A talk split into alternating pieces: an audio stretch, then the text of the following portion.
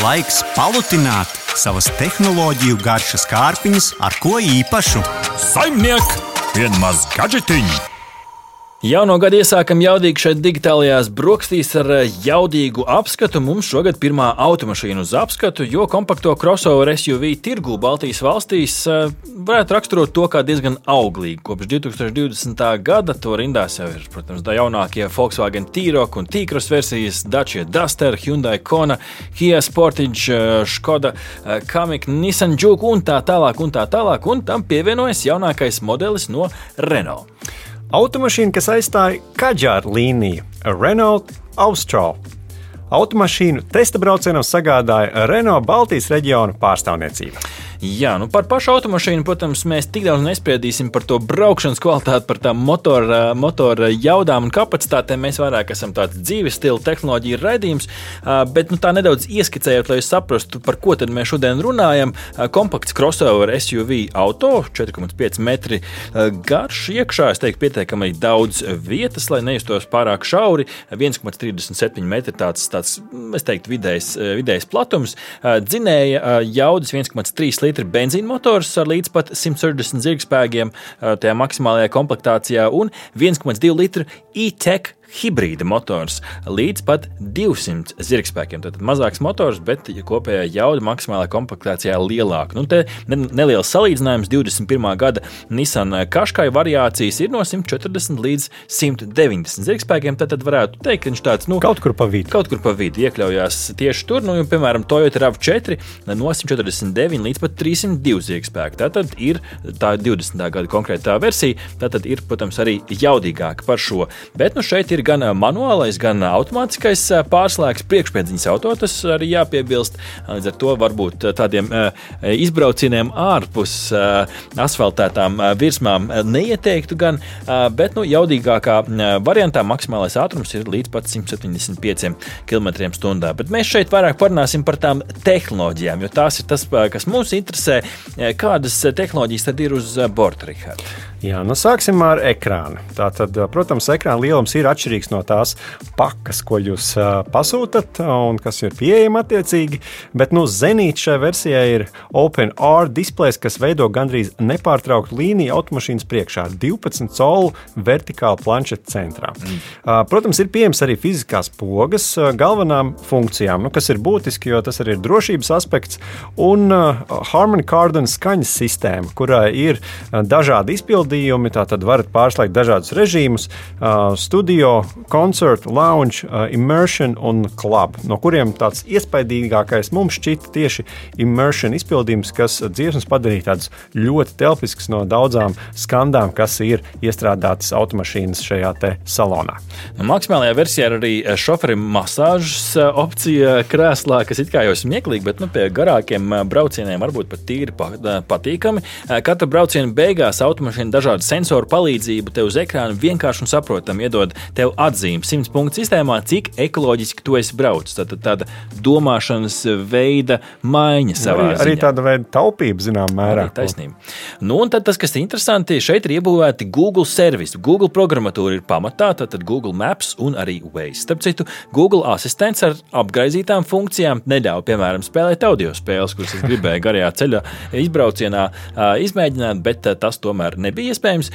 Un ir arī Google Play veikals, kas uh, attiecīgi rada iespēju, ka dažādas lietotnes automašīnā var nonākt. Starp citu, arī Latvijas radio jaunā lietotne tur bija atrodama, kas bija patīkami. Strādā gan ar Android Auto, gan Apple CarPlay. Um, un, uh, attiecīgi, Renault jau ir kādu laiku atpakaļ mēs ziņojām, nostiprinājuši šo partnerību ar Google, kas attiecīgi ļaus viņiem ar Qualcomm procesoru un Google, Google pro programmatūru darbināt tās automašīnas mašīnas smadzenes. Un kā uzzinājām no Pāvela Novicka, Baltijas valstu komerciālā operācija menedžera, tad Renault ir noslēdzis partnerību ar Airbnb izlietotni, kas turpmāk ļaus šo lietotni iestrādāt jau pašā mašīnā. Tad, tad nevajadzēs pieslēgt telefonu, lai redzētu Waze. Waze jau tur būs, ir tikai vajadzīgs internets. Attiecīgi, vai nu internets, kas jau ir mašīnā ar šo komplektāciju kopā, vai arī nu, var uzlikt mobile hotspot. Sīkāk savukārt par automašīnas drošības tehnoloģijām mēs iztaujājām Mihailu Muhu, Renault produktu menedžeri Polijā. So basically, uh, we have to start with the thing that uh, Renault Austral is uh, a car which is packed with uh, all of the radars, cameras. Principā mums vajadzētu sākt ar to, ka Renault Astral ir automašīna ar spektra radaru un kameru, kas palīdz mums braukt droši un ērti, kā arī novietot automašīnu stāvvietā. Automašīnas tehnoloģijas iedalās trīs daļās - drošība, braukšana un parkošanās. Protams, saistībā ar braukšanu vissvarīgākā ir kamera. Renault Astral ir multifunkcionāla kamera, kas spēj nolasīt ceļa zīmes vai, piemēram, līniju labajā ceļa pusē. Tāpat automašīnai ir radars, kas spēj nomērīt attālumu no mūsu automašīnas līdz auto mums priekšā. Un, protams, sensori, kas ir stūrakmens sastrēguma laikā. Piemēram, šie sensori mums palīdzēs ne tikai novietot automašīnu, bet tie ir palīgi arī sastrēgumos, kad citas automašīnas dodas mums garām. Tas ir stāsts par drošu braukšanu. Tāpat automašīna izmanto kameru kā radaru un strādā kā jauna aktīvās avārijas drošības bremze. Piemēram, situācijā, ja mēs tuvojamies krustojumam un vēlamies griezt pa kreisi, šī funkcija reaģēs un apstāsies, ja manīs, ka pretī tuvojas cits spēkrats. Tā zinās, ka esam sadursmes trajektorijā un bremzēs. Tāpat visi šie sensori, radari un kameras funkcionē mīja darbojoties, lai palīdzētu automašīnā izveidot otrās autonomijas līmeni. Šo funkciju varam izmantot braucot ārpus apdzīvotām vietām, lai brauktu vēl komfortablāk. Proti, automašīnā ir radars, kurš skenē apkārtējo vidi un automašīnas priekšpusi. Līdz ar to tas ļauj iestatīt mums vēlamo braukšanas ātrumu un iekārtoties ērtāk. Tāpat radars miedarbojoties ar kameru, automašīnu novietos braukšanas joslas vidū. Ar to domājot, kamera spēs nolasīt ceļa platumu un noturēties braukšanas joslā. Svarīgi pieminēt, ka tai nav nepieciešama baltā līnija labajā ceļa pusē, kas var ļoti noderēt dažādās situācijās un valstīs. Vēl jāpiemina, ka automašīnas sistēma iegūst informāciju no multividas platformām, kartēm un navigācijām. Situācijā, ja mēs tuvojamies rotācijas aplim vai līkumam, automašīna automātiski samazinās ātrumu līdz tādam, ar kuru var ērti to šķērsot, un pēc tā uzņems ātrumu līdz vēlamajam.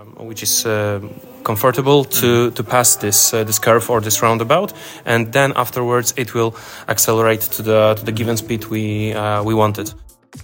Precizējot par baltajām līnijām un adaptīvo kruīzu kontroli, es vaicāju, vai nākotnē vispār mašīnām vajadzēs līnijas, lai turētos uz ceļa. I think yes. Uh, I mean, it's just uh, a question of the quality of the camera. The... Es domāju, ka jā. Proti, tas ir atkarīgs no kamerām un programmatūras kvalitātes automašīnā. Pagaidām mēs varam neizmantot labās puses līnijas, jo, piemēram, kamera reaģēs uz kontrastu starp ceļu un zāli, un tā noturēs mūsu braukšanas joslā. Taču domājot par kreiso atdalošo līniju, tas varētu būt sarežģītāk, jo mums ir nepieciešams sadalīt ceļu divās joslās. Uzskatu, ka, ja mēs runājam par otrā līmeņa autonomiju un mums ir pieejamas šādas iespējas un funkcijas, pēc vairākiem gadiem mēs runāsim jau par ceturto autonomijas līmeni. Domāju, ka tas ir tikai laika jautājums if we will in a couple of years talk about uh, fourth level of autonomy we need to have it so mm. i think it's uh, it's just a matter of time and, and, and software Nu šeit, protams, papildus visam tam, ko Muhas kungs mums pastāstīja, jāpiemina vēl pāris interesantas nianses tieši attiecībā uz tehnoloģijām, zīmju atpazīšana un uzrādīšana uz šī ekrāna. Kruīzes kontrolas laikā tas noteikti atvieglo garos pārbraucienus. Ir aklās zonas sensors, ātruma pārsniegšanas brīdinājums, kas arī, ja mēs atgriežamies Richard, pie tās nu, domāšanas un braukšanas stila maiņas. Šī eko-coaching sistēma ir tā iepriekš, iepriekš pieminētā, kas dažādus datus savieno uh, kopā. Uh, un, protams, arī nu, visiem lecā labā pazīstamā braucēju uzmanības kontrolas sistēma DAA, kas seko līdzi garākos braucienos un rosina arī paņemt pauzi. Un šeit, starp citu, Rihard, atceries mūsu izbraucienu ar Audi e-tronu automašīnu. Tad arī šajā automašīnā, konkrēti Renault Austral, jau ir ienākuši šī Matrix LED Vision gaismas uh, lukturu uh, funkcija izpildījums, lai tā gaisma būtu daudz precīzāka precīzāk. Jā, nu es, es pavisam īsi atceros arī to mūsu izbraucienu um, ar, ar citām tādām mašīnām, kur reiz šīs ļoti modernās tehnoloģijas nevisai labi sadzīvoja ar Latvijas tādiem reizēm nepārāk labajiem ceļiem. Jo tad, uh, ja līnija ir ļoti tuvu, centrālā līnija ļoti tuvu uh, mašīnas malā, reizēm mašīna visu laiku pīkstē, jo domāju, ka mēs uh, braucam pretējā joslā. Bet protams, ir labi, ka šādas drošības sistēmas mašīnās ir iebūvētas. Attiecīgi, tāpēc šeit ir nedaudz tā citādāk. Tā, tā redze tai mašīnai, tā mašīna ne tikai ķer tās līnijas, bet arī, jau analizē attiecīgi šīs, te, šīs te zonas, kā mums mm -hmm. pastāstīja arī uh, Muhas kungs. Nu, lūk, par pašu uh, braukšanas pieredzi runājot, nu šeit es saskāros ar to, ka mākslīgais intelekts bija gudrāks nekā man vajadzēja. Konkrēta situācija, kur visas šīs sistēmas tika pielietotas. Brauca kruīzes kontrolē pa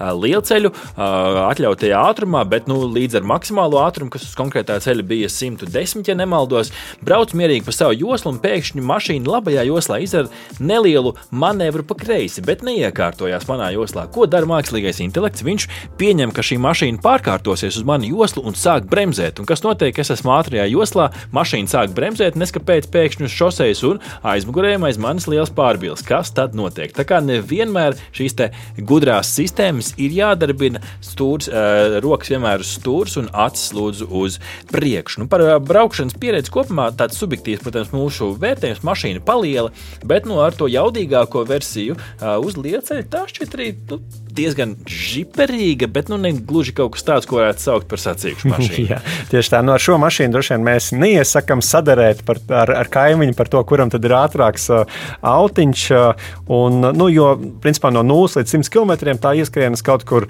8 līdz 9 sekundēs. Nu, piemēram, um, ar to Ford uh, Kuga Hybrid varbūt uh, apsteigsi, bet uh, Kia Sportage jaudīgākās versijas nu, tev paskries garām. Jā, tā kā izpētīt, kas kaimiņiem pirms izaicināt uz sacensībām skaļuma ziņā motora rēkoņi nedzirdēs vairumā gadījumā, izņemot brīžus, kad patiešām gribēs nu, iespiest grīdā, lai iegūtu ātru pātrinājumu. Un uz lielceļa patiesībā vējš pat bija skaļāks par pašu motoru, kas varbūt pat arī ir mīnus. Automašīna labi turas uz ceļa, nav tā sajūta kaut kur līkumos izlidos ārā, un te starp citu arī kruīzes kontrolē nāk talkā visi šie mākslīgā intelekta risinājumi, kas samazina ātrumu līdz atbilstošam līmenim. Active Driver Assist uz papīra izklausās labi, bet dzīvē tomēr man patīk saglabāt šo kontroli, kaut arī nu, šī konkrēta atgadījuma dēļ uz eh, šoseis. Um, līdz ar to mm, nu, varbūt vēl tādas pāris interesantas piezīmes. Esam laikam atvadījušies beidzot no vecā tipa USB, tagad USB-C tipa līgstas automašīnās, kas kādam vēl varētu būt eh, būtiski. Interesanti dizaina nianses, tāda centrālā svira, pie kuras bija patīkami pieturēties, bet nu, funkcionalitāte īsti gan arī nekāda, izņemot to, ka tā atver un aizver uh, krūzīšu turētāju. Līdz ar to nu, kā, uh, varētu šis, ka ar to var pārslēgt ātrumu, bet beigās nekā. Un tāda interesanta nianses no tehnoloģiskā risinājuma puses vēl aizmugurē riteņi var pagriezties par 5 grādiem, kas ļauj apgriezties braukšanai pretējā virzienā par kripatiņu, par kripatiņu ērtāk. Nu, tad kopumā rezumē. Nu, dažādu funkciju klāstu pakas eh, cenu kategorijā mēs neminēsim konkrēti cenas, bet sliekšņus no 29 līdz 39 tūkstoši. Tur ir visas dažādas versijas. Ej, nu izpēti, kas tad, eh, kas tad interesē. Bet, ja nu sākumā automašīna sajūsmina ar skaistu ārinu un elegantiem interjeru elementiem, tad pēc vairākiem simtiem kilometru špo, spožums eh, jau šķiet nedaudz tāds ikdienišs. Es teiktu, kopumā normāls auto, kas uzrunās tos, kuri negrib milzīgu jaudu, bet automašīna, kurā iesa, var iesaisties, nevis iekrist. At, arī attiecīgi saprātīgs degvielas patēriņš bagāžnieks, kas varbūt varētu būt arī lielāks, bet pilsētniekiem būs labi, un, protams, moderno tehnoloģiju sniegtā uh, drošas braukšanas palīdzība. Nu, ja nu tomēr grib kaut ko vairāk no sava auto, tad noteikti ir vērts apstīties iepriekš minētos konkurentus, un tā skaitā Toyota RAV4, Kia Sportage vai Nissan Qashqai. Mārtiņ, nu, kur tad tu liksi savu īkšķi? Nu, no vienas puses, priekš tāda ikdienas pilsētas auto, es varētu dot uh, īkšķi augšā, jo tās uh, drošības kontrolas funkcijas pilsētā varētu noderēt, tā skaitā arī automātiskā kārba, padarīt to izbraucienu daudz patīkamāk, bet priekš tiem, kas no auto sagaida ko vairāk kā nokļūšanu vienkārši no punkta A uz punktu B, es gan tomēr došu īkšķi pa vidu. Aha! Paldies, ka noklausījāties mūsu līdz galam! Ja patika, uzspiediet like, atstājiet komentāru vai padalieties ar draugiem. Un nobaudiet arī citas epizodes, kā arī sekot mums, lai nepalaistu garām savu ikdienas tehnoloģiju ziņu devumu.